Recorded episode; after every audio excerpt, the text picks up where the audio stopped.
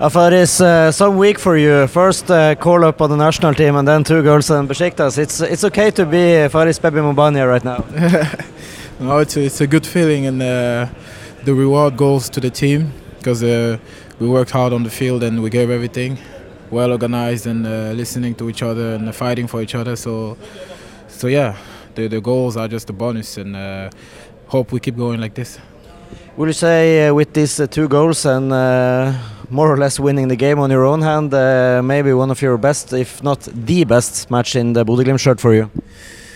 Yeah, and uh, and I hope uh, many more to come. You know, like I said, it's uh, it feels good for everyone also because they were fighting hard out there, and uh, I saw how it was uh, difficult for everyone, and we we stuck together, and yeah, it's it's just it's just about continuing of uh, controlling the game and uh, and uh, getting um, chances and and yeah about scoring and defending together.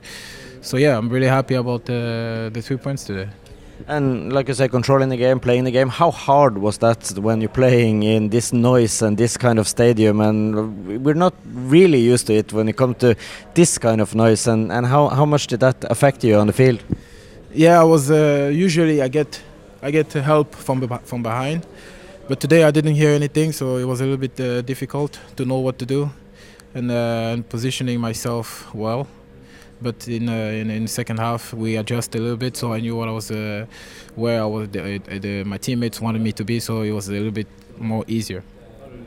And uh, finally, uh, put uh, we put yourself in a great position now to get through six points against Besiktas, of course, very well.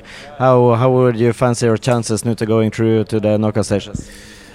We take one game at a time. It's uh, on to the next game, which is Sunday against Ålesund.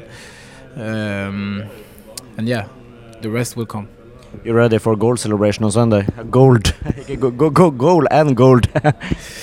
uh, yeah, we we're just gonna put out a great performance and uh, fight for each other, and uh, the result will uh, speak for itself. Thank you, Faris. Congratulations.